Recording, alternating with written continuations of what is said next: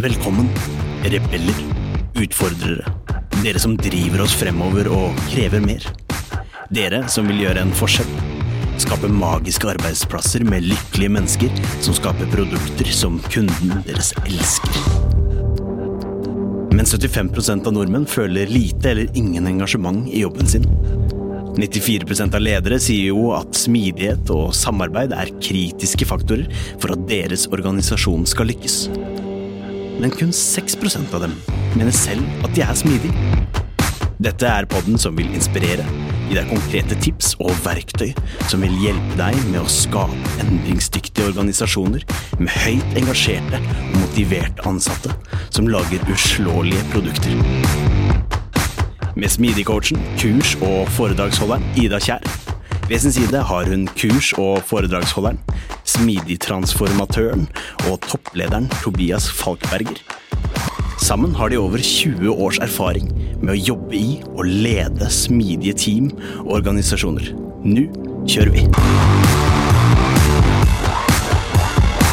Hei, og velkommen til en ny episode av Smidigpodden. I dag har vi ekstremt spennende tema, for vi skal snakke om smidig, smidig transformasjon, og kanskje gå litt sånn i dypdyken dypdyk, Dypdykk. Dypdykke. inn hva, hva faktisk det betyr å være en smidig organisasjon. Altså, hva kan du kanskje se at du har? Mm. Hvordan tenker du? Vi snakker smidig mindset Mm. på et litt sånn organisatorisk nivå. Mm.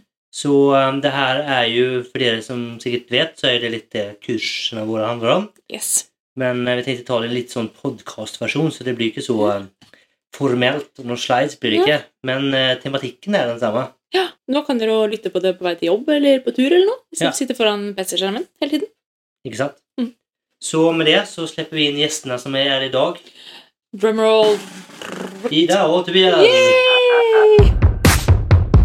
Som vi nevnte i introen, så er det jo mye ting som kjennetegner en smidig organisasjon. Og for at det ikke skal bli helt kaotisk, så har jeg og Ida valgt å gruppere disse tingene. Og dere skjønner jo sikkert at mye av det her går jo litt inn i hverandre. Mm. Men allikevel så syns vi at denne modellen gir veldig veldig mye mening, i hvert fall for oss, og gir litt mer struktur. Og det håper jeg at vi kan kanskje bevise gjennom episoden her. Vi får se om vi klarer å holde litt i strukturen. Mm. Så vi har eh, delt opp det her i fem byggesteiner, Mm. eller byggeklosser, eller elementer, som for så vidt alle organisasjoner har. Yes. Så det er ikke noe unikt sånn sett, men det er tilnærmingen til disse Ja. som vi skal snakke om.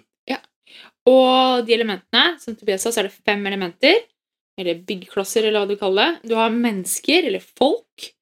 Eh, Du har prosess, struktur, strategi og teknologi. Det stemmer. Så på alle disse fem så um, tenkte vi gå inn litt dypere og se litt på Mm. hva man kanskje burde tenke på, hva man kan se på, hvordan det kan se ut i en smidig kontekst.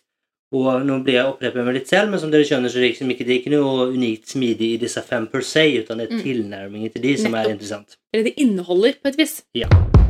Den første byggeklassen som vi skal snakke om, det er strategi. Og da tenker jeg det kanskje viktig, liksom før vi dykker videre, er vel å anerkjenne at verden er i endring, og den er mer kompleks, og det treffer jo strategi veldig mye. Mm. Sånn historisk sett så var det nok kanskje en eh, gjeng seniora folk som satt inne på et rom et sted, eller kanskje på en eh, jeg vet ikke, hotell et sted, kanskje.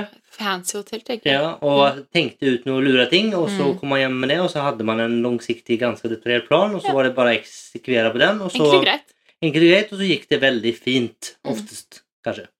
Um, det tror jeg ikke at vil fungere spesielt godt i dag. Eh, og da blir jo liksom hele Men hva er da en strategi? Jo, jeg tenker at det handler mer om en felles retning. Noe Mm. som er lett å kommunisere, noe lett å folk liksom blir motivert av, Mm. ønsker å bli med på. Mm. Eh, og ikke minst måtte ha et eierskap til. Mm. Eh, For det å kunne måtte predikere fremtiden, det, det tror jeg har veldig lite for seg, og prøve å være veldig detaljert i det.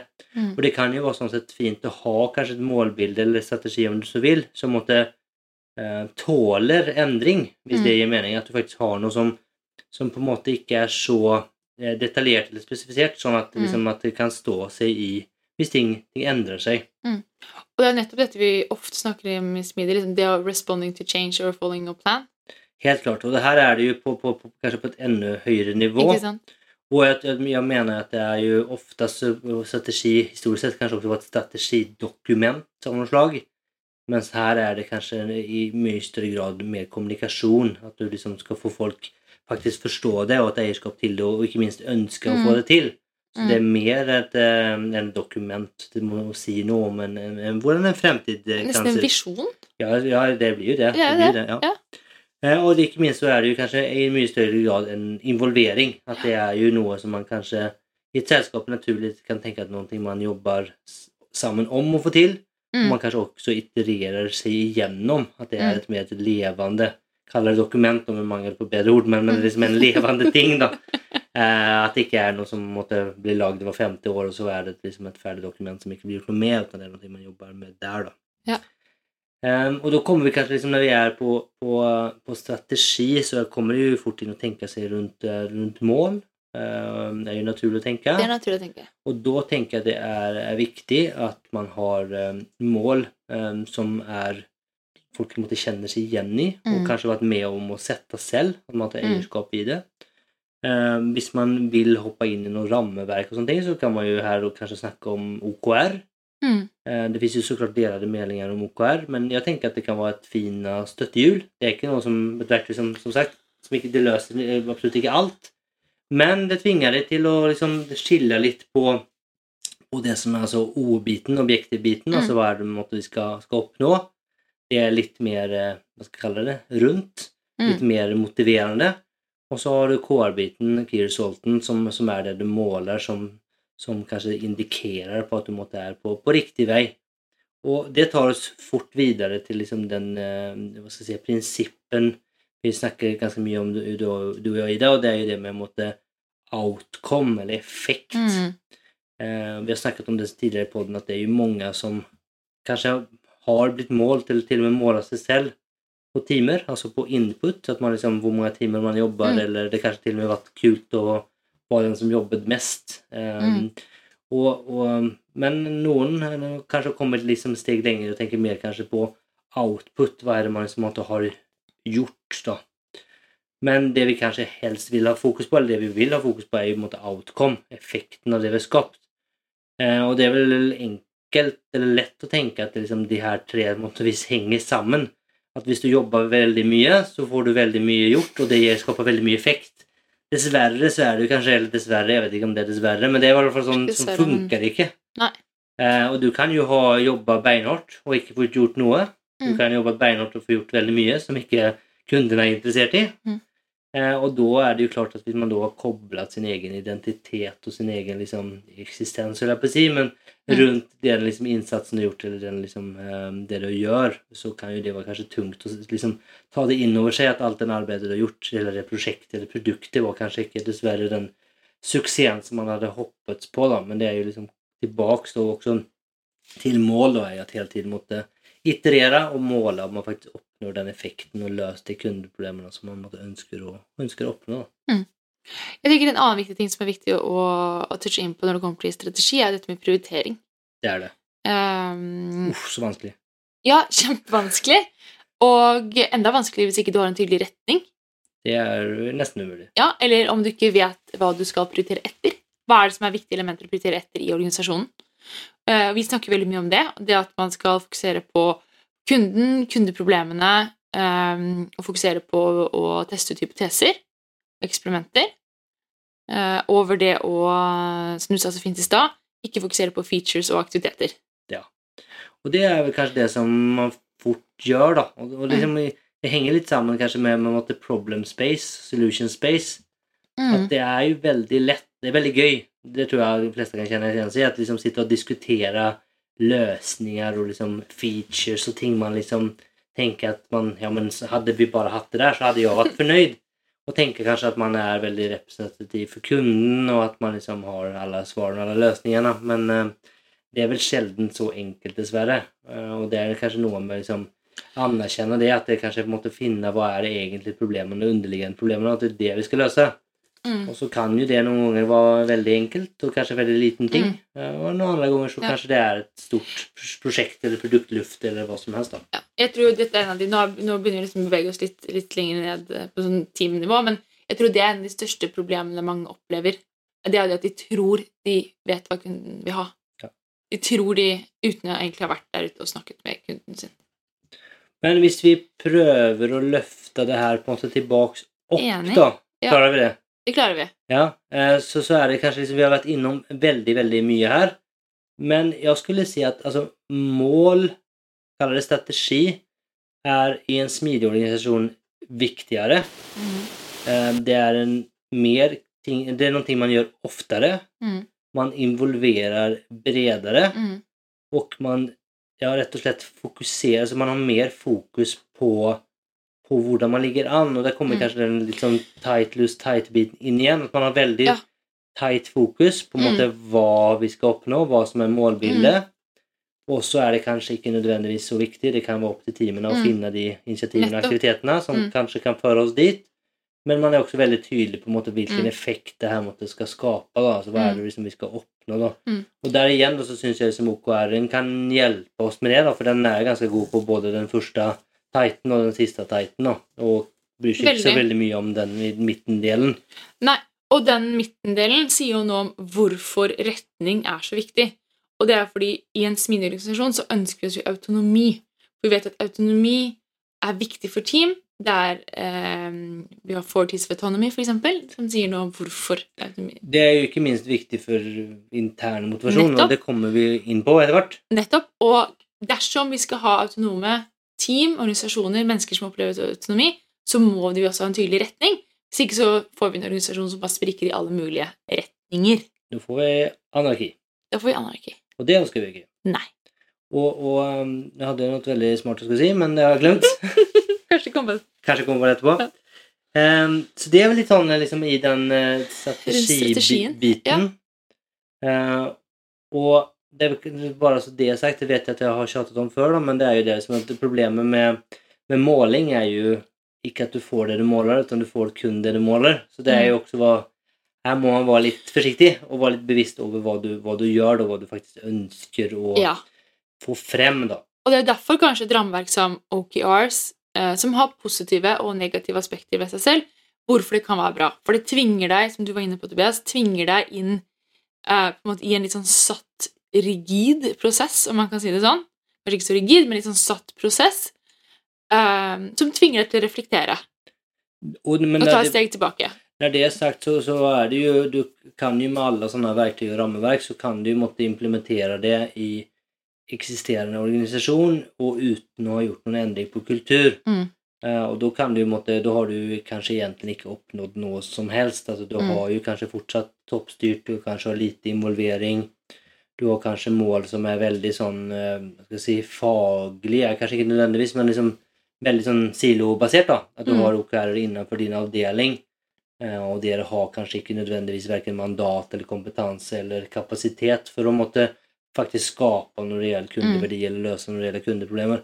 Så at liksom ikke, Det er viktig å ta med seg at liksom rammeverket i seg selv eh, løser ikke alle problemer, men, men i, liksom, i rett kontekst så kan det være med, og så kan det Mm. over tid kanskje måtte få bedre diskusjoner. Da, at det liksom mer diskusjoner da, altså fra input, output og over til, til outcome, og faktisk diskutere mot effekt. Mm.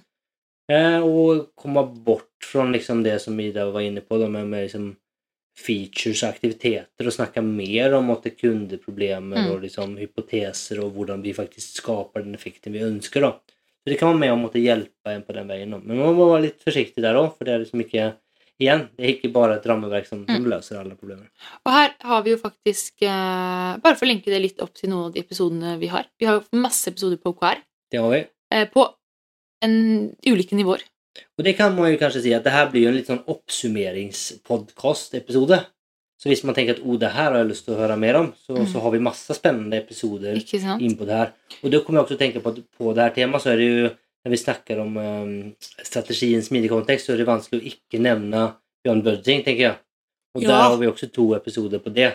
For Mm, det er jo noe igjen, altså hvis er helårige budsjetter mm, og liksom låsta penger og mine og dina Mm. og och eh, skjuta av raketer ved nyttår og liksom hele den, eh, hela den faderullan där passar ju dessvärre dårlig. Så det är också Ja. kanske kalla det, Nå er jo Beyond Budding-ting mye mer enn et måtte, rammeverk et verktøy, men, men allikevel, det, liksom, det er jo kanskje kan tolkes som det, så er jo det også noe man definitivt kan begynne å se litt på, for det tenker jeg også kan hjelpe deg å få liksom en, en eh, For der kommer det mye med åpenhet òg, ikke sant? Og Ja, du har en mer helhetlig helhetlig approach til approach. ja.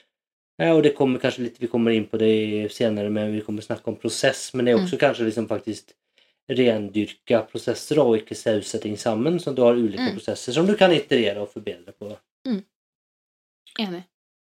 Med det skal vi hoppe videre til neste. Det syns jeg det er jo en veldig spennende tema. Ja. Det heter struktur. Ja. Det høres kanskje litt uh, traust ut, men Ja. eh, Det er ganske gøy. det er veldig gøy. Ja. Og, og det er mye, mye der vi liksom har Mm. kan nørde ned oss litt igjen, for vi snakker liksom sånn organisering, vi Mm. snakker samhandling. Mm. Eh, teamdynamikk, eller liksom Mm. dynamikk generelt. Mm. Vi er jo innom psykologisk trygghet, Mm. Kanskje litt teamstørrelser. teamstørrelse, så Mm. her er det mye ting å tenke på rundt. Unnskyld at jeg forstyrrer deg midt i denne superspennende episoden, men jeg må bare fortelle deg noe. Forresten, det er meg, Arvid, fra introen. Er du en som ønsker å utfordre, drive oss fremover og kreve mer? Gjøre en forskjell og skape magiske arbeidsplasser? Men du bare vet ikke helt hvordan. Da har jeg noe som kan hjelpe deg. Tobias og Ida har laget et kurs. Kurset gir deg forståelsen og den smidige tilnærmingen du trenger for å tenke nytt om de organisatoriske byggeklossene, strategi, mennesker, prosess, struktur og teknologi. Lenke til kurset finner du i episodebeskrivelsen. Jeg skulle si at smidig har jo lenge advokert for team. Mm. Faste team har jo vært en greie. Ja, litt den typiske fra prosjekt til Team, ja, og det, faste team. fast, ja, og det, det har noe bra med seg. Jeg tenker liksom at Nå er vi kanskje inne på det at altså, prosjekter eh, har jo kanskje sånn si, dårlig rykte. Eh, Problem, jeg syns ikke det er noe problem med prosjekter, det gjelder bare å bruke det når det er eh, riktig. da. Ja. Eh, og, og kanskje anerkjenne at det finnes ting som har en start og slutt, og så finnes det Mm. veldig mye ting som kanskje ikke, Det har kanskje en start, men det har ikke nødvendigvis en slutt, Ja, og altså- da er det kanskje prosjektet ikke helt heldig, for da det er jo noe med kanskje å ha et eierskap som varer over tid, og du har kanskje Mm. noe med hva skal jeg si, kontinuerlig utvikling, kontinuerlig læring og ting som, som, som kanskje ikke er sånn Det handler kanskje om bevisstgjøring rundt det også, da. Helt klart. Å bruke riktige verktøy til riktig oppgave Ja, på et vis. på et vis. Ja. Um, men vi har liksom, det vi har notert med her, som jeg syns er liksom litt sånn fin, er liksom riktig folk til riktig tid. Mm. Og også riktig dynamikk til riktig tid. Mm. Og det er kanskje liksom at man ikke skal henge seg nødvendigvis så mye opp i hvordan den strukturen ser ut, så Mm. lenge den er riktig. Mm. Og det er jo lett å si, da, men hva, hva er en riktig struktur, da? Jeg vil si at en riktig struktur er en struktur hvor du kjenner at organisasjonen får Så kanskje klarer å skape de effektene dere ønsker, da. Ja. Det, Og det er det ja. jeg tenker på liksom med dynamikk, da. At du klarer å få til den dynamikken i samhandlingen. ja, at du faktisk Ja, og det kommer kanskje litt også over inn til liksom Innovasjon er kanskje et slitet ord, men liksom litt sånn eh, Hva skal jeg si Kreativitet og nytenking, da. Ja. Um, og at liksom faktisk har liksom igjen kanskje liksom riktig Hvordan skaper du den type dynamikk òg? Mm. og at det er jo organisasjoner er jo ulike, og det består av mennesker som Mm. er ulike, som har også Yes. ulik behov. Mm. Og det tenker jeg også er viktig å ta inn over seg, at liksom at en veldig sånn løs organisasjon, om man kan tenke seg det, så tenker jeg mer en sånn nettverk, veldig ekstremt mye selvledelse, Mm. kan jo være vanskelig for noen. Kanskje ikke de trives i det. Spesielt hvis de kommer fra en typisk liksom, hierarkisk struktur, byråkrati. Ja, Da er det en vanskelig overgang. Ja, veldig. Og jeg tenker, for du har både dimensjoner med at altså, du må jo lære deg ting som du kanskje ikke Ja. altså, Du er kanskje vant på at det er noen som tar beslutninger for deg. Mm. Det er jo en kunst i seg selv å ta beslutninger. Helt klart. Eh, Så det må du få lov til å Mm. bruke tid på å lære deg opp i. Men det kan også være altså, ren personlige ting, tenker jeg. At man kanskje liksom trives mer i en liksom, hva skal jeg kalle det, strukturert Andre eh, rammer. Ja, andre rammer. Ja. Det, det er også Vi er jo forskjellige. vi er forskjellige. Mm. Og det kanskje tenker jeg også er liksom en sånn um, smid, definisjon på sånn smidig, at man liksom anerkjenner det, da. At Mm. vi er mennesker, og vi Mm. er forskjellige, og det er helt ok. Mm. Eh, og, at, uh, og at ulike deler av en organisasjon har ulik rytme, ulik Mm. behov, og kanskje ulike mennesker. Så sånn sett så kan man liksom også argumentere for at det kanskje er litt sånn vanskelig å si at liksom en organisasjonsform er riktig for en hel organisasjon, men at man kanskje måtte være mer pragmatisk til den tilnærmingen. Mm. Men det jeg tenkte på her, er jo at det betyr jo ikke det at fordi du har noen personer som syns det er krevende å jobbe på denne måten, så, skal, så kan ingen gjøre det. Da kan vi ikke organisere oss sånn. Men det betyr kanskje heller at du skal være mindful over at du har de menneskene i organisasjonen din, og hvordan skal du arbeide Hvordan skal du da eh, samhandle og arbeide med liksom modenhet, endringsvillighet Så Kompetanseheving, altså, kommer vi inn på endringsledelse òg. Ja. Det er endringsledelse, og så er det kanskje en måte å, å tilpasse det som igjen, Jeg tror ikke nødvendigvis at en organisasjonsform er alltid helt riktig for hele organisasjonen heller. da. Nei, og så er det kanskje viktig å erkjenne det at eh, du kan ikke bevege deg på en måte fra en, en hierarkisk organisasjon til matrise, team, nettverk. Altså, det er ikke så rigid heller. Det er ikke så, lin det er, Det ikke så lineært, mener jeg. Og, og du, kanskje du hopper tilbake, du tar, stjeler litt fra den ene og litt fra den andre, og finner litt hva som passer for deg selv. Altså, som du sa, Tobias, at kanskje ulike deler av organisasjonen egentlig organiserer seg på litt forskjellige måter. Og det er helt ok. Jeg er helt enig, og så får du fort en, liksom en pendeleffekt som du må Mm. være litt forsiktig med. Og da tenker jeg at det er bedre igjen å iterere og lære, da, for det er fort at du liksom um, Du gjør noe, og så fungerte ikke det, kanskje, for Mm. du gikk kanskje litt for fort, litt for mye, og så slår den en måte tilbake, og så du måtte tilbake der du starta. Mm. Og at det er liksom bedre å måtte igjen og måtte iterere og, og prøve ting, og, og se hva som fungerer og ikke som fungerer. Og det er liksom en ting som vi har prata om ganske mye, er jo det at du Problemet er at du får jo veldig Altså, det du får Det fins ikke en silver bullet, og du får det du er organisert for. Mm. Og da må du være veldig bevisst på hva du ikke er organisert for. Så har du f.eks. organisert tverrfaglig, så er det kanskje for fokus på en måte for måte, fart, få ting ut, mm. for å kanskje forløse kundeproblemer. Men da blir kanskje måte, fagdimensjonen lidende. Du kanskje får eh, problemer med at arkitektur Nå prater jeg veldig teknisk, da, men, men, arkitektur eller uttrykk i, i ulike eh, flater s- blir forskjellige over tid. Altså, du Mm. får andre problemer, og da må du liksom sørge for hvordan For det blir da ikke løst i, i Mm. organiseringen, utan da må du kanskje finne andre måter for å fasilitere den type Mm. hva skal jeg kalle ikke mangler, men liksom utfordringer da, Mm. som, som dukker opp. da. Ja. Jeg kom bare på en, en tanke som jeg kanskje ser for meg at lytterne våre nå sitter og tenker på. i hvert fall. Og det er jo dette med ok, men eh, hvordan skal vi finne ut hva som passer oss best? Og det er kanskje en oppsummering Og så, jo, og så tenker man sånn Ok, men da må vi eksperimentere og lære. Ja. Uh, vi må jobbe iterativt. Uh, er det da smart å for eksempel eksperimentere med noen team, noen avdelinger? Uh, ikke alle. Det er et spørsmål noen kanskje kan sitte inne med. Andre kan sitte inne med spørsmål som ok, men hva med å teste med en virtuell organisasjon på toppen? Enten i hele eller deler av organisasjonen.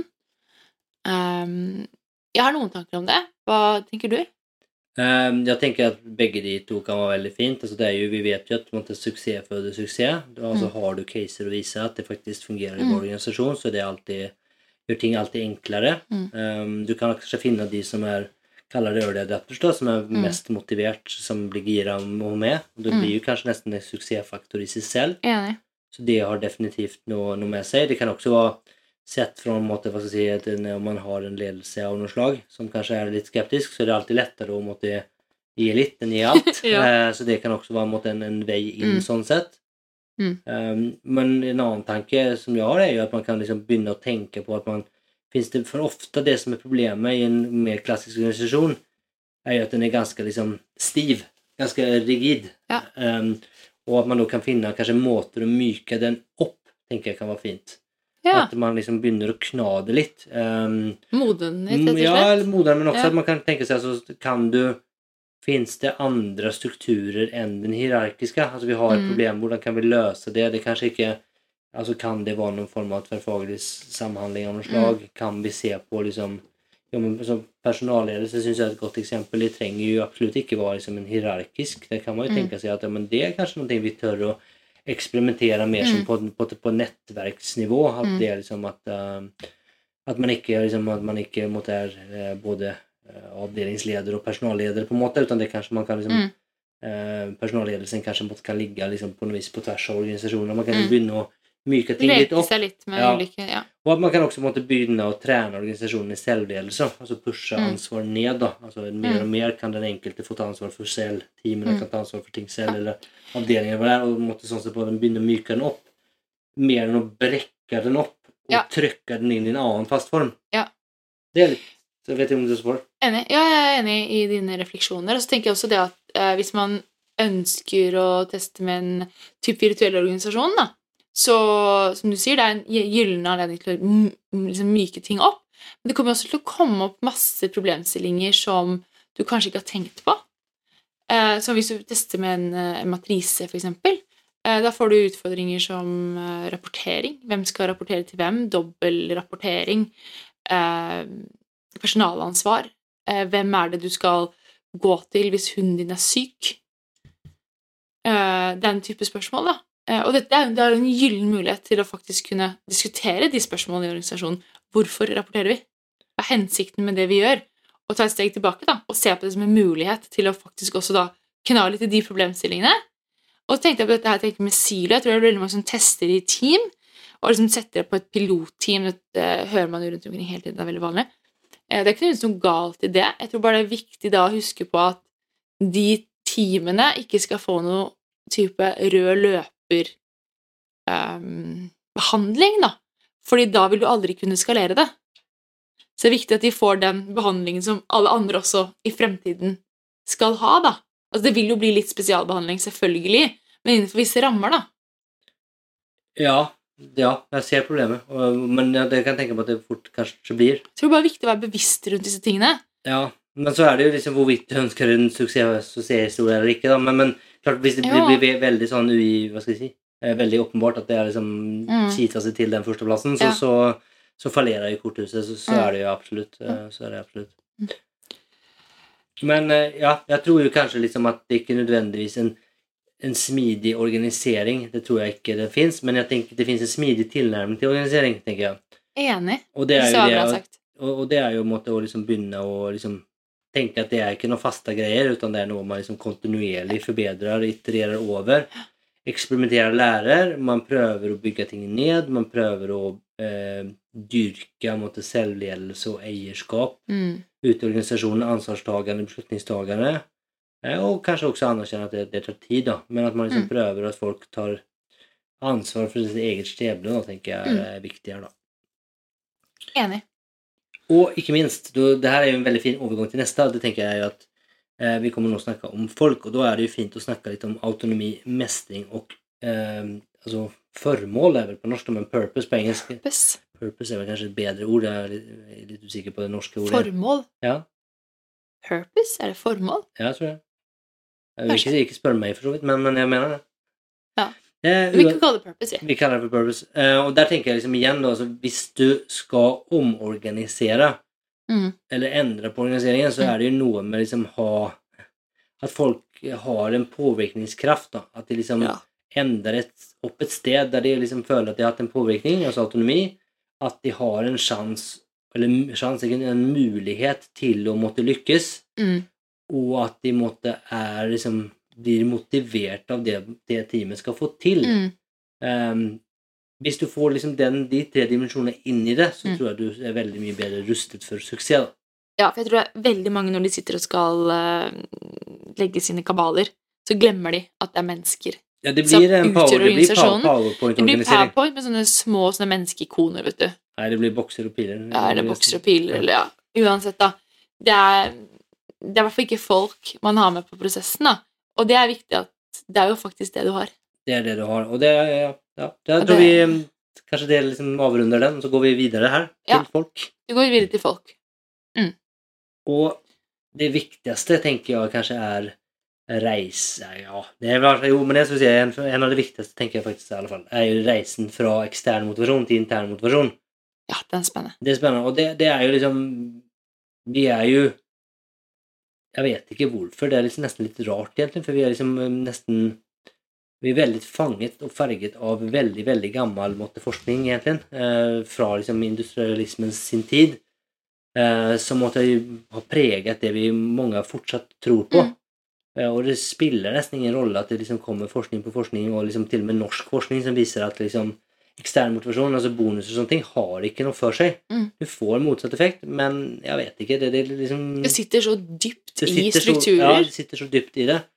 Um, men det jeg tenker er liksom, er noe man kan begynne på den reisen, er jo en måte å liksom eh, fjerne altså Sier ikke fjerne ekstern motivasjon som at folk måtte jobbe gratis, men kanskje mer etterstreve rettferdighet. Uh, og, Intern og ekstern fairness. ja, og at folk føler seg verdisatt.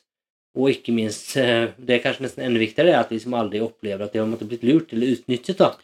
Vi snakket jo for lenge siden BS, vi har ikke snakket om det, på stund, men at lønn og øh, på en måte mm, Ja, lønn og bonus etc. Det er mer en hygienefaktor. Ja. Og ikke bonus da, kanskje. For Det det, ikke bonus. for, det, det, det, for bonus er jo også tilbake til det som jeg snakket om på, på den strategibiten. at Problemet er jo ikke at du får det du måler, utan du får kun det du måler. Mm. Og jeg vet ikke om det er en tydeligere måte å måle folk på enn å gi dem bonus. Mm. Um, og det kan jo skape Og det liksom, da gjør jo, så klager man på at menneskene dine gjør veldig mye rart. Men fordi at- sorry, Mac, det er du som har lagd det systemet, så det, de spiller bare De, De spiller bare det spillet du har lagd. Ja, og det er jo eh, veldig, om ikke umulig, å liksom predikere og liksom lage det perfekte spillet. Mm. Eh, så du får masse eh, rare atferder og masse Mm. ting. Så jeg tenker det beste er bare å stole på at eh, BI-professorene med flere, og Harvard og alle andre, har liksom, har, kan sine saker. det de sier er riktig, og at det her er vanskelig, så la det være. Ja. Eh, putt de pengene på, eh, på fastlønn og rettferdig lønn, og så ha så ha bedre, mer fokus på å legge til rette for det som skaper intern motivasjon. Enig.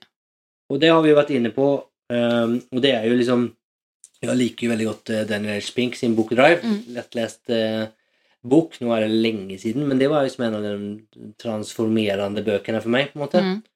Og han snakker veldig mye med rundt liksom, det, hva er det som måtte skape den eh, mestringen, eh, eller med si, motivasjonen. Og det er jo, første er jo autonomi, Ja. og der har jo dine fire T-er. Kan du Mm. dine fire T-er på strak arm? Oh.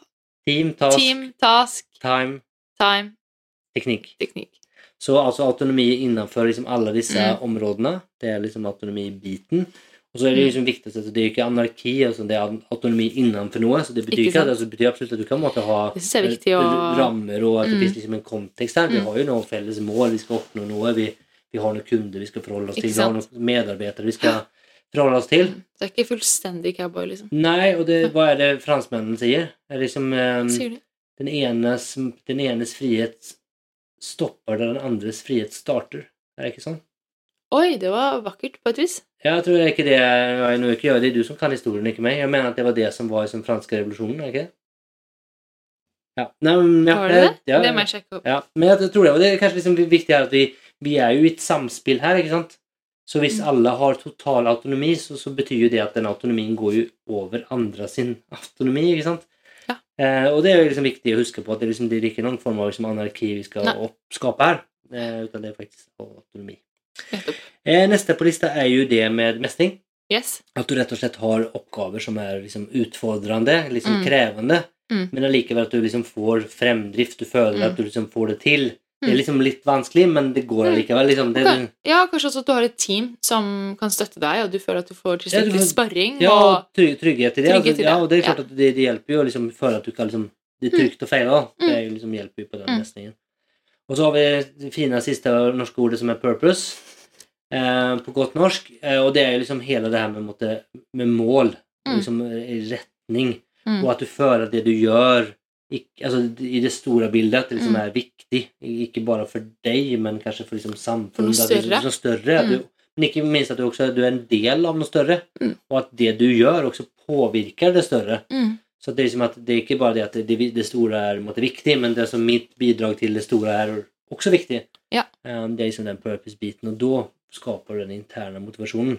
Mm. Eh, Og det her er jo et interessant, for det er også et balansesystem, da, at du en eh, Forskning viser at du kan bare være en, en viss del Du kan bare være så mye motivert, på en måte. Ja.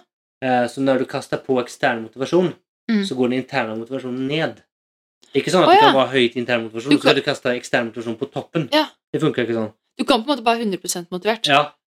Altså, Ja. enten, ja. Så er du 100% internt ja. motivert, eller så er du 50-50, ja og da, hvis, du, hvis du har skapt internt motiverte ansatte, så er det bare å kaste penger i sjøen hvis du skal kaste på en måte bonuser på toppen. da.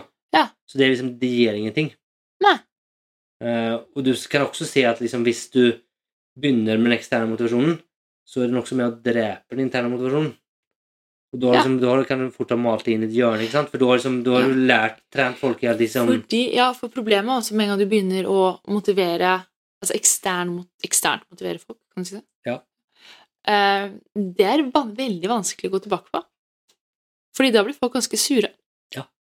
Hvis du skal begynne å fjerne bonuser, for eksempel. Det er ikke populært. Det er ikke populært. Men det som, det som jeg husker fra boken der, som er faktisk interessant, er jo at eh, hva skal jeg si, ettervirkende bonus, jeg vet ikke om det er riktig ord, det kan fungere. Ettervirkende er altså, bonus. jeg har ikke sagt noe til deg, men så, så har du gjort noe som jeg syns er veldig bra, og derfor så får du en flaske vin. Vet du, det her er veldig interessant. Det fungerer. Ja, Men hvis jeg sier til deg hvis du gjør det her, så får du en flaske vin. nettopp. Da går det inflasjon, og du begynner å si at neste gang jeg spør, så bare nei, vet du, hva, men det give her me the er, wine, give me the Ja. wine. Men det her er veldig interessant, for jeg snakket med en, en leder, det var mange år siden, um, og den lederen fortalte meg at han syntes, det var så interessant, fordi at um, hvis denne personen uh, til teamet sitt ga um, helt sånn uh, småting som en pakke godis eller vinflasker eller sånt, hvis folk hadde gjort, en bra, gjort noe bra, gjort det bra, da, så ble de kjempetakknemlige. Det var liksom bare, åh, tusen takk, og, og liksom følte virkelig at det var liksom en boost, da. Ehm, og da var det gjerne altså til hele teamet, da. Ikke sant?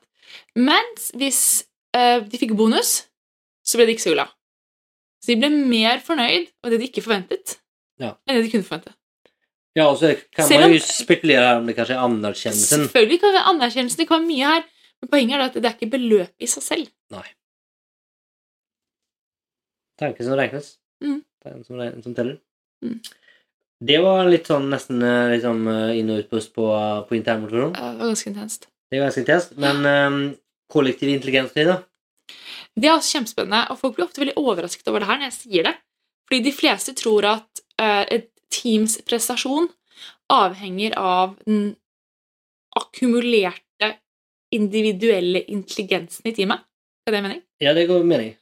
Så hvis du tar fem smartinger og kaster i samme team, eh, og så tar du fem som ikke er fullt like smarte, så tenker man da er det jo klart at den med fem smartinger skal outperforme den med Ja, fem fordi de har høyest, de har, de har høyest IQ Ja. til sammen. Ja. Men det stemmer ikke. Nei. Det er helt feil. Forskningen viser ikke det stikk motsatte, men forskningen viser at det er tre ting som Det, det de viser, er at det ikke er noen korrelasjon. Ja, sorry, ja, det er det de viser. Det viser at det ikke er noen korrelasjon mellom uh, Individuell intelligens og og kollektiv. kollektiv intelligens. Men det man ser, er av de tingene som utgjør et high performing team, det er det man, Nå kommer det engelske ord igjen, for det, her vet jeg ikke hva er på norsk. Vi har ikke noe gode ord på norsk. Det er det som vi kaller for social perceptiveness. Man kan tenke på det litt som sånn sosiale social skills. Ja. Um, og så har du det vi kaller for equality in conversational turn-taking, som er forskerordet for psykologisk trygghet. Og vi har jo flere episoder nå på nettopp psykologisk trygghet, som jeg anbefaler å lytte til. Det her har jo Google eh, satt i system. Google har satt i system, og de gjorde jo hele sin Project Aristotle, Ja. hvor de um, sjekka dette her. Men de, de gikk ikke spesifikt på uh, psykologisk trygghet. De forsket jo på hva er det som utgjør et high performing team, og da kom psykologisk trygghet ut På toppen. toppen. på toppen. Men det de gjorde, var at de har faktisk et, liksom, et, tilbake til verktøy, så har de faktisk liksom et, liksom et verktøy da, som de får sine ledere, som er som navn på teamet. Der du liksom setter en strek med hver gang de snakker. Så ah, ja, for så vidt alle har ja, ja, equality in conversational turn-taking. nettopp. Ja. Og så får de som avslutter ikke møtet for måtte alle Jeg vet ikke om de har fått snakket, eller at de har fått snakket like mye, da. Like mange streker. Så det er liksom, de har måttet, liksom, så vet jeg ikke om, om akkurat det liksom, fungerer veldig godt, men, men det er liksom tilbake til verktøy, så det er jo som altså, hvis du Det kan jo være en måte hvert fall å bevisst, bli bevisstgjøre rundt det, for det, det syns jeg er veldig interessant. Ja. Hvis du begynner å tenke på det her, Mm. så kommer du oppdage veldig, veldig fort at i de fleste steder, så eh, sikkert eh, hjemme i forholdet òg, så er det ikke eh, equal turn-taking, hva kaller det? Conversational turn-taking. Ja. Men det er viktig å huske på også da, at det har jo noe med liksom rant, ikke rant å gjøre òg. Det har jo det. Altså, én person kan jo si snakke én gang, men snakke veldig, veldig lenge. Og så er det en annen person som kan snakke mye oftere, men si veldig lite. Ja. Det er viktig å ta inn over seg også. Så kanskje ikke antall streker er riktig. Jeg vet ikke. jeg Kanskje hun ser på minutter. jeg vet ikke. Ja, men, Uansett, da, poenget er equality in conversational turn taking. Og den siste går på gender, gender diversity. Um, og um, jeg skulle ønske at det var Man kan jo tenke seg at også diversity i seg selv, ikke bare gender diversity, er viktig. Det er jo kanskje rimelig å tenke at Det, det vet jeg jo. Det, er rimelig jo- å tenke at det, det er det sikkert jo andre noe bevegelse i den forskningen Det fins annen forskning på, på det, definitivt. Så det, det tror jeg, og det er jo generelt altså Det er vanskelig med innovasjon når alle tenker likt. Det kan vel kanskje være Når ganske alle enig om. tenker likt, tenker ingen. Sånn er det. Så, så det er vel kanskje det, det, det, Forskningen det her caset sier jo ikke det, men, men det er vel kanskje Mm. Jeg mener at vi, vi vet det. Ja, vi vet det. Um, nei, så dette er jo de tre elementene som utgjør et high performing team. Og det er jo veldig interessant. Og det er kanskje liksom tilbake til at det var liksom, Du sa riktig dynamikk til riktig tid. Jeg tenker også Mm. det her er litt sånn riktig dynamikk til riktig tid. Ja. At du faktisk liksom Det er mer enn kompetanse som sier noe om hvorvidt et team Er velfungerende eller ikke. Ja, eller høyt presterende. performing. Ja, høyt presterende. Mm. Så det er eh, spennende. Enig. Og så er det jo um, Litt på dette er jo eh, hvordan man skal lede i smidigorganisasjoner. Og det er jo eh, mange episoder i seg selv å Ja. snakke om ledelse, Hvis vi prøver å bare komprimere det ned, da. Ja. Eh, jeg tenker på Høyest på min liste så står det jo skulle sagt, tillit og åpenhet. Mm. Jeg har Mm. jo snakket om en sånn selvforsterkende sløyfe. Jeg vet ikke om det er, er det godt Selvforsterkende sløyfe. Er det ikke en sånn loop, liksom? Å ja, en sånn Tenker du sånn eternity-sirkel? Ja, ja, det går rundt, liksom. Ja. Så med mer åpenhet så får du mer tillit, og med mer tillit så får du mer åpenhet. Ikke sant? Den, ja, ja, ja. Ja, er ikke den sluttet? Ja, jo, en, sirkel. Ja, men det er en loop, liksom. Ja. Sånn som du har på tivoli, liksom. Du En sløyfe er en sånn som du har på skoen. Sånn, pen en som du har okay. håret, liksom. Sånn, Ja, ja, ja, ja, ja. samme. Det er ikke så farlig. Nei, men det, det er i hvert fall en sånn En greie. sirkel. Liksom. Ja. ja. Uansett. Um, og det, det tenker jeg kanskje er liksom det viktigste å ha med seg. da. Og der har vi liksom snakket om at det som Jeg mener jo at den liksom åpenheten tilliten Hovedansvaret der ligger hos lederen. Helt, helt enig. Lederen må gå foran Ja. og sette eksempel. Du kan ikke forvente deg verken åpenhet eller tillit hvis ikke du viser det først som leder. Det går ikke. Så, så det er kanskje liksom den viktigste. Og så er det liksom, jeg har jo veldig tro på at det her er selvforsterkende, om det er noen Mm. sløyfe eller loop eller sirkel. Eller noe hva det er. Så har du liksom, hvis du får liksom moment på det her, Mm. så blir det bedre og bedre. Mm. Eh, problemet er at det er ganske skjørt. Ja, hvis det blir ødelagt. Så er du tilbake til nesten på null, da. Så Ja. det er noe å være bevisst over, da. For det er noe med at hvis du føler at du har hatt et tillitsbrudd Ja. Noen har løyet til deg, for eksempel. Ja, eller at du sier at det liksom, her er det åpenhet og tillit, liksom, og Så gjør du noe feil, og så smekk på fingrene. Mm. Så um, Handling sier mer enn tusen ord. Det, Er ikke det man sier? Tror det. Ja. Så ja, så det er jo også noe å være bevisst om der. Og så var vi tidligere inne på Titlus tight-ledelse. Det er jo viktig. altså hele Mm. måte, Det med mål og effekt blir veldig viktig. Mm. Aktivite- Autonomi. autonomi blir viktig. Måte, si, aktiviteter, kaller det Mm. micromanagement. Mm. Detaljer Mm. er ikke så viktig. Ja, og her har vi en hel episode sammen med Rune Det har vi. på nettopp Titlus tight-ledelse. Så her er det masse snacks å grave seg ned i. Det er det. Og Mm. eh, psykologisk trygghet har vi jo snakka masse om, så det er jo Ja. noe å liksom Mm. Det har vi også en hel episode på, men det er jo en måte Som leder òg er jo liksom dyrke den tryggheten. Ja, fordi at hele altså, um, Og det tror jeg nesten ikke kan bli uh, streket under mange nok ganger. Er at ja, hele teamet har et ansvar når det kommer til psykologisk trygghet i teamet. Men igjen, lederen må uh, lede. Sånn er det. Og vise seg veien. Gå foran som et eksempel og tilrettelegge. Kanskje er mer riktig. Tilrettelegge for eh, psykologisk trygghet. Det er det. Og så er det jo kanskje et poeng her i seg selv, er at psykologisk trygghet lever jo på en måte på gruppenivå. da. Ja, det er viktig å få med seg. Så at hvis du måtte rota veldig mye med mot organisering og omorganisering og sånne ting, så, Mm. så blir det liksom det, det blir en stress der, og det tar tid å bygge opp. Uh, og det er liksom og da hvis du skal liksom være veldig god på Eller liksom gjøre det veldig ofte, så må du i hvert fall Mm. liksom være veldig bevisst på det, og kanskje ha ekstra mye fokus på det. Mm. Det kommer med en kost, da. Det gjør jo det. Uh, Så det er også liksom noen ting at man kan liksom eh, Jeg kan opp, tenke, liksom oppleve kanskje at man liksom på, på med, som med smidig blir man liksom nesten litt sånn endringskåt, om det er lov å si. Uh, og, det er liksom at, liksom, og det er kanskje viktig at det, liksom, igjen, det er, det er mennesker, og det er psykologisk trygghet Mm. som lever på gruppenivå. Det er liksom det er ting på teamstruktur. Det er liksom ikke Du skal ikke Du kan ikke rukke i ting bare for å rukke i ting. Nei. Det er liksom, det, noe stabilitet det er det viktig at det er, da. Ja, og dette handler jo nå om Og så sitter du kanskje og lurer på ah, men hvorfor eksisterer det på teamnivå. Det er ganske enkelt, fordi at det eksisterer i relasjoner mellom folk. Eh, og da er det den, jeg husker ikke hvem er som har den der modellen hvor du ser eh, hvordan antallet relasjoner økes med antall teammedlemmer. Eh, Jeg vet ikke om hvem så Det er jo fra en um, Det er en matematisk modell. Ja.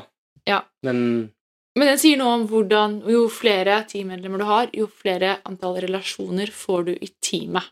det gjør det. Eh, og det er derfor man har den magic number seven, som jeg gjerne sier, ikke sant? Cirka teamstørrelse syv. Um, eh, som er viktig å tenke på her, at får du et veldig stort team, så har du veldig mange relasjoner å vedlikeholde.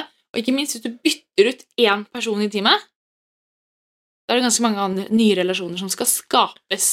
Det kan jo være litt interessant, bare for nå har jeg modellen her. Og det er liksom, Har du syv personer i teamet, Ja. så har du 21 ulike connections, da. Ja, ikke sant? Lines mellom disse personene. Det er ganske mange allerede. Det er ganske mange. Men Ja. hvis du da dobler det teamet til 14, Ja, så gikk du da fra 21 til 91. Nesten 100 relasjoner som skal vedlikeholdes i teamet. Ja. Og det sier jo litt at det gjør jo noe liksom, altså, Hvis det synes det høres mye ut med 20, så kan du tenke hvordan det er med 91. Um, så det er jo noe, noe Det er ikke praktisk mulig Nei.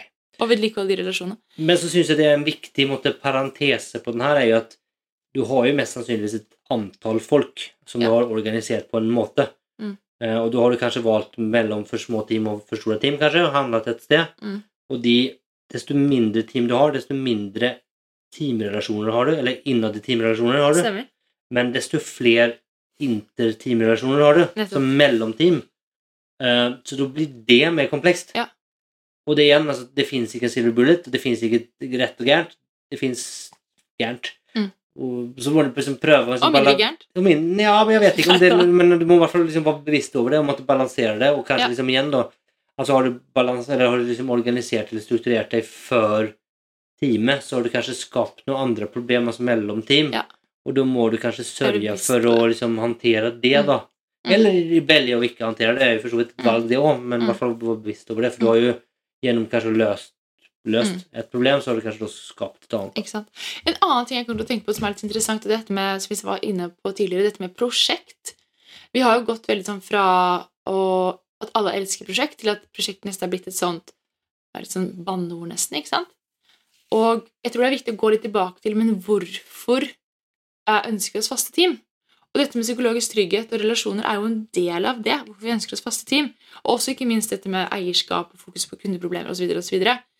Men det kan jo hende at det kan løses på en annen måte enn i faste team i din organisasjon. Absolutt. Kanskje. Og det er bare viktig å på måte, se på hvorfor gjør vi det vi gjør, da. Uh, og da vil den type problemstillinger tenker jeg, komme opp. da. Godt poeng. Yes. Eh, ellers, vi kan snakke mye om ledelse, men jeg tenker altså, vi har vært innom det flere ganger, men jeg tenker det så, du som leder i en spinnorganisasjon så er det mye kommunikasjon. Mm. Det går også mye på å lytte, være til stede. Mm. Det handler om å videreutvikle eller utvikle mennesker. Ja. Um, altså coaching Mm. um, eller mentoring. Mm. Uh, og det handler ikke om manipulering, som jeg tenker mange liksom tenker at de, Altså hvis du Mm. som coach måtte har et målbilde som du prøver å Mm. trykke noen ned i noen, så er ikke det coaching, det er manipulasjon.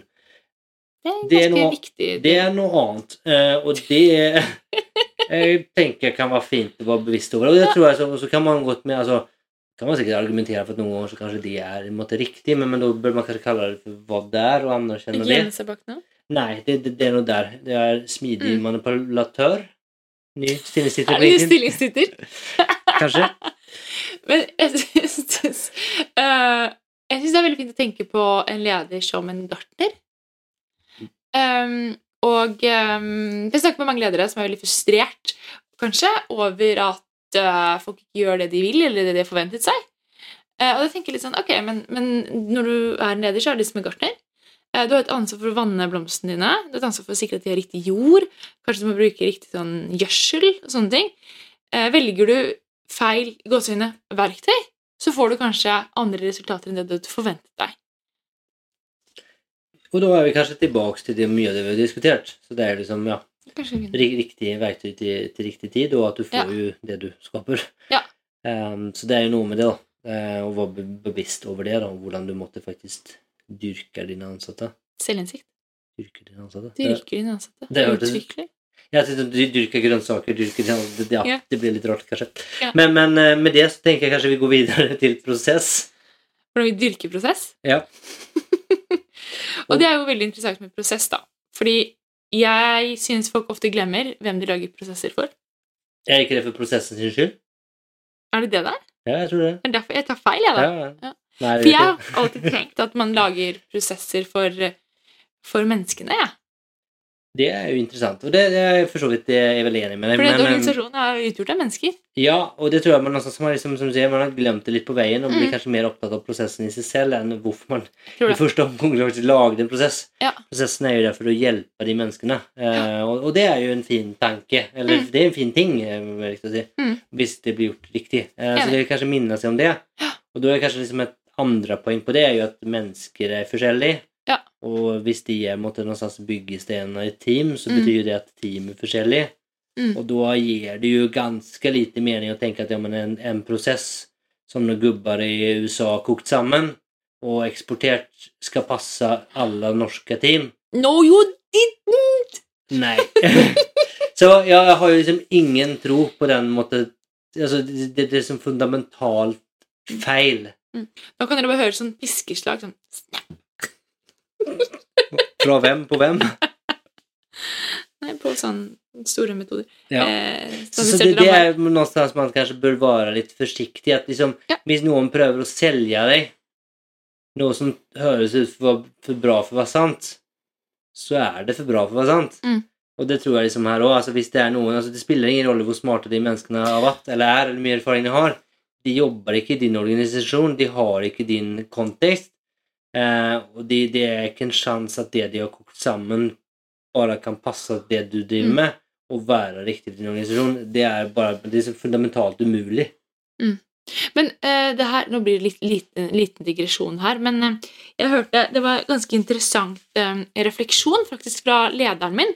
Han eh, leser en bok om markedsføring, og eh, nå kanskje jeg ikke klarer å gjenfortelle det her perfekt, men noe av det var, handlet om det at hvis man skal selge et produkt til noen, så er det mye lettere å selge et produkt som ligger nært, enn noe som er fjernt. Altså, det er mye lettere å selge et produkt som ligner på det du har i dag, enn noe som er helt annerledes enn det du har i dag.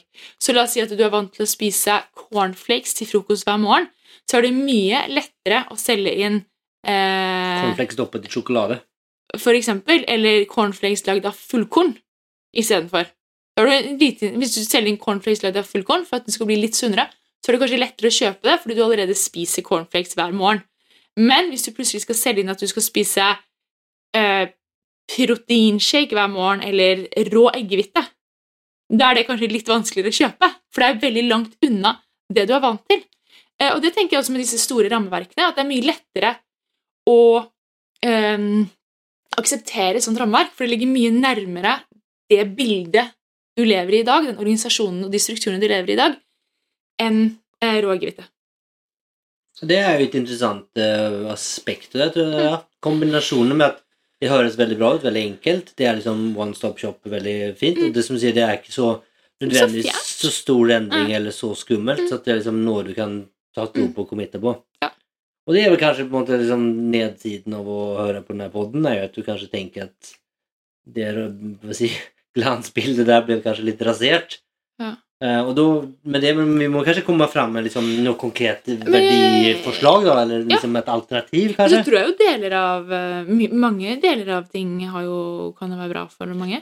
Absolutt, og det tenker jeg altså Jo, men fluffy sik- sik- Ja, men jeg skjønner hva du mener, det, det tror jeg absolutt. Og det er liksom altså, kanskje med, med, med OKR og, eller Scrum eller hva du ønsker det være. Det, Mm. det fins mye bra, og det ligger mye bra i det, og så kan du allikevel måtte eksekvere det gærent. Mm. Um, og det er kanskje noen å ta det for hva det er, da. At det kanskje er måtte, et Mm.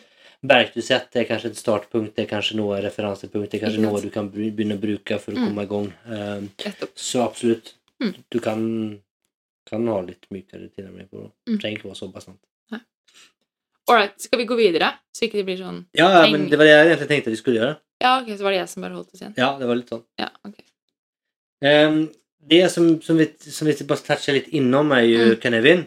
Ja, det er spennende i denne konteksten her. Det er veldig spennende, for, og det tror jeg kanskje mange måtte glemme. Og det kommer litt sånn tilbake til sånn prosjekt og prosjektledelse òg, tenker jeg. at, liksom at eh, skal ikke gå veldig inn i Canevin-modellen, men, men det sier litt om hvordan... liten note, bare. Ja. Eh, hvis du aldri har hørt om Knevin før, eh, så staves det Synefinn. Ja. Ikke sant? Så hvis du vil google det, så kan du google Synefinn. Men det uttales Knevin. Han er irsk eller skotsk? skotsk, skotsk. Det klarer jeg ikke å svare på, men, men, eh, men det er jo kanskje Altså ehm, det er jo nesten det det er Nesten det vanskeligste med modellen. Så. Ja, nesten. At, at hun Synefinn ble Knevin, men, men Ja. det, det er noe sånn, da. Ja. Unnskyld at jeg avbrøt. Jeg skulle bare si Nei, det det, til for noen det ville går google. fint. Og, og, og der er vel kanskje liksom, altså, en måte riktig prosess til riktig problemstilling. Mm. Eh, og at det var liksom, Vi hadde en liksom, interessant diskusjon før vi begynte å spille inn. For når Mm. du er måtte, opp, ute i en kompleks verden, Mm. så handler prosessen din kanskje mer om Problemløsning. Ja, og hvordan du tilnærmer deg problemene dine, heller enn hvordan du skal løse det. Ja. Og da får du helt andre prosesser, og det er kanskje noe som var bevisst over det. Altså er det liksom, Skal du bygge et hus, Mm. så er det jo kanskje ganske liten poeng Mm. å liksom si, iterere over det, eller Ja. å eh, Du måtte bygge en MVP og se om du Mm. altså, Du kan jo tenke det, du kunne gjort det, men, men, men som i det store og hele så, så er det jo som Mm. Det fins jo liksom eksperter på det, det er gjort masse ganger før. Mm. Det fins liksom Det fins good practice, Mm. hvordan ting skal gjøres. Det fins eksperter som, som kan de her sakene. Eh, og så har vi, vi, For de som vet det, så har vi bygd om en varebil til en bobil. Mm. Um, og i vår verden så var det jo veldig komplekst, Ja. og vi måtte iterere på det, men, men det handler kanskje mer om si, mangel på vår kompetanse og erfaring. Ja. En annet. At ja. det fins jo helt klart personer Det finnes fins jo eksperter som- på det her, som kan dette og gjør det hele tiden. Og du har jo selskaper som lager bobiler, liksom. Ja. Så, Men vi har aldri bygget bad i en bobil før, så for oss var det veldig komplekst. Ja, men det er vel kanskje egentlig en eh, For oss så var det komplekst, men det er vel kanskje egentlig ikke et helt reelt komplekst problem. Nei. Det var vel kanskje poenget. burde komme til. Ja. Eh, Så det er vel kanskje noe med å være bevisst over liksom hva lager en prosess for. Mm. Eh, Så ikke bare om at du lager det for mennesker, men også liksom hvilke type problem Ja. skal du løse. Er det, Mm. liksom, er det, eh, er det liksom et, eh, et enkelt problem, eller er det et Mm. komplisert problem, eller et komplekst problem, eller kanskje Mm. et kaotisk problem. Mm. At det har ulike måte, tilnærminger der. Mm. Eh, hva tenkte vi mer vi skulle snakke om her? Um, Vi snakket litt om kontinuerlig forbedring før vi startet. det er jo veldig viktig. Og det, og det er jo Mm. kanskje også at jeg tenker at man eh, Hvis man ikke har noen prosess, Så så er det veldig vanskelig å forbedre den. det er kjempevanskelig. Eh, og det kan jo være kanskje et første steg. Og i hvert fall gjøre gjør det forskjellig hver gang. i hvert fall liksom, kanskje tegne den prosessen man har. For ofte det kan også være at man faktisk har en prosess, men Du man vet ikke om den. ikke vet ikke selv. Så det kan være et første steg. Mm. Eh, og så kan man faktisk kontinuerlig forbedre den prosessen. At Mm. det kan være en start. Og da tror jeg det er viktig å tenke på det at um, det er veldig mange som når begynner å snakke om kontinuerlig forbedring, som får litt sånn piggene ut. Ja. Um, fordi at man blir sånn Men hvorfor Da mener du at alt jeg har gjort nå, er dårlig, da? Alt jeg har gjort nå, er feil. Den prosessen jeg har lagd, er feil. Men det betyr jo ikke det. Det betyr bare det at den er kanskje ikke riktig akkurat nå. Den er kanskje ikke riktig når vi skal gå videre. Eller det er noen forbedringselementer. Og for noen så er det veldig viktig å bruke, bruke tid på akkurat det her eh, for å skape buy-in. Endringsledelse igjen. Mm. Eh, For du trenger disse menneskene med deg også. Hele tiden. Ja, for det, det, det er både, både det at liksom, det, det, ting kan ha, kan endre seg. Mm. Så bare for at det er måtte, nødvendigvis ikke riktig nå, så betyr det at det ikke har vært riktig historisk sett. Mm. Eh, men det kan også være at bare for at det ikke Bare for at det kan bli bedre, Mm. så betyr det ikke heller at det er dårlig. Mm. Og der føler jeg at det er mange som måtte misforstår. Og, Mm. eller, eller vet ikke om det Jo, men det misforstår er veldig riktig å si. Ja. At det liksom ikke Og det er liksom, hvis du klommer over det, ok, men det jeg har gjort det er ikke gærent, det kanskje var riktig før. At du Mm. liksom, ok, men Da er man kanskje mye mer på å tenke ja, men det her er liksom noe jeg har lyst til å jobbe med og faktisk forbedre. Da, for jeg kan liksom se det, for Ellers så blir det, kan folk føle seg veldig attakkert, og naturlig nok Mm. så kommer man i forsvar, og da er det jo liksom litt låst, og det er jo en uheldig startpunkt. da. Jeg tenker En viktig ting å tenke på når man eh, skal begynne å jobbe med kontinuerlig forbedring, er det vi kaller for spheres of influence. Det er det. Og da har du jo, for de som ikke kjenner til den, så er det Se for deg selv at du står i midten. Eh, Så har du deg selv, og rundt deg så har du det som vi kaller for sphere of control. Det er alle de tingene som du selv kan kontrollere og påvirke. Det er ting du kan endre uten hjelp, egentlig. Og så har du neste sphere, da. Det er nesten sånn, sånn boble, liksom. Er en sphere er vel en boble. ja. ja. Ja, en boble. er sphere of influence. Så det handler om alle de prosessene, rutinene eller menneskene du kan påvirke uh, i en eller annen retning. Uh, og så helt ytterst, i den øverste, ytterste spheren, så har du alt annet. Og det er egentlig alt du ikke har noe påvirkningskraft på i det hele tatt. Og så er det sånn at vi mennesker, når vi begynner å snakke kontinuerlig forbedring, så plutselig så hopper vi rett ut i den everything else-bobla ofte. Eh, vi begynner å tenke på alt som burde vært bedre. eh, Som burde vært annerledes. Problemet er bare at hvis du bruker veldig mye tid der, så blir det, blir du fort veldig demotivert, fordi det er ting du rett og slett ikke har påvirkningskraft på per dags dato. Det betyr ikke at du ikke kan påvirke det i fremtiden, men per i dag så er det veldig veldig krevende. Så derfor er det mye bedre å starte med de tingene du kan påvirke. Så altså din sphere of control og din sphere of influence, og så på sikt kan du gå ut i everything else. Du kan vidge dine Horizons. påvirkningssfär. Nettopp. Nettopp. Og Det er jo Ja, men jeg syns det er en viktig ting, da. Og for det er liksom Begynn å forbedre, og jobbe med de tingene du faktisk kan forbedre. Ikke sant? Og mm, bry deg mindre om ting som du ikke kan forbedre. Mm. Det er bare en energityv av eh, kaliber. Det stemmer. Så, men, men bare som siste, som på en sånn siste slagord, da. Oi. Og det er jo um, fra S3. Og det er jo 'good enough for now, safe enough to try'. Ah, den liker jeg. Og det er kanskje liksom sånn mantra som man kan liksom ehm, Jeg syns at man Jeg ønsker at jeg kunne minne meg oftere om det. Mm, Og det er jo noe man liksom kanskje ønsker, og man strever litt mye eh, perfeksjon. mm, Men hvis liksom er det Er det liksom good enough? Mm. Mest sannsynligvis ja. Er det safe enough?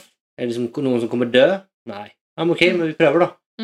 Det er ikke verre enn det. Du kan jo Mm. nesten Det meste du kan gjøre, kan du alltid liksom endre retning, eller Mm. rulle tilbake, eller hva måtte være. Mm. Så det er liksom noen gang det du, Hvis du ikke prøver, så kan du ikke lære heller. Nei. Så det er noen som hopper, hopper ut i det. stemmer.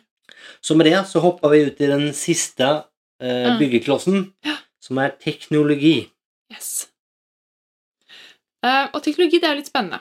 Eller det er veldig spennende. Um, og i seg selv Kanskje mest fordi at ehm, Det er et kjempegodt eksempel på at vi kan ikke forutse hva som kommer til å skje. Så her handler det kanskje mer om det å faktisk muliggjøre og måtte tilrettelegge heller enn selve teknologien i seg selv. Helt enig. Og det er jo, ja, for hvem vet hva som teknologi som dukker opp, og hvordan det vil forandre verden? Mm. Eh, det er jo ingen som har klart. Mm. Internett var jo en flue, og det er liksom ikke Flue? Ser man det på norsk? Døgnflue. Det er sånn, sånn tror jeg til og med det var. Ok. Ja. Ja. Uansett. Eh, så det er mange ting som, mange som har Mm. eh, hva skal jeg, fallert ganske kraftig opp gjennom historien og predikere fremtiden og Mm. teknologien. Så det er vel mer liksom å bør prøve istedenfor å eh, bygge en um, solid organisasjon som er tilpasningsdyktig, som, Mm. som kan ta til seg ny teknologi. Ja, ikke minst som kan prioritere. Ja. Som har riktige prioriteringsmekanismer. Altså du har kundefokus, du tør å stå i problem space osv. Bygger disse For det er jo, ikke sant, teknologi er jo en løsning. Mm. Det, eller kan jo oppleve som et problem, men, men i utgangspunkt så er det jo Jeg liksom tror det er mange som ville sagt at det er Ja. et problem. så, så er det jo tenkt som en løsning. Det er jo det. Og det, det er jo ikke sikkert at teknologi er den riktige løsningen for det gitte problemet. Nei. Og det er ikke gitt at den nye teknologien er løsningen på det gitte problemet. Nei, det er det ikke. Så derfor så er det jo liksom, liksom viktig å stå litt i den problemet og liksom Mm. tenke på hva det er, og ikke bare måtte hoppe over det latest and greatest. Ikke sant?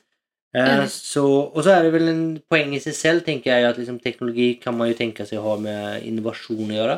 Mm.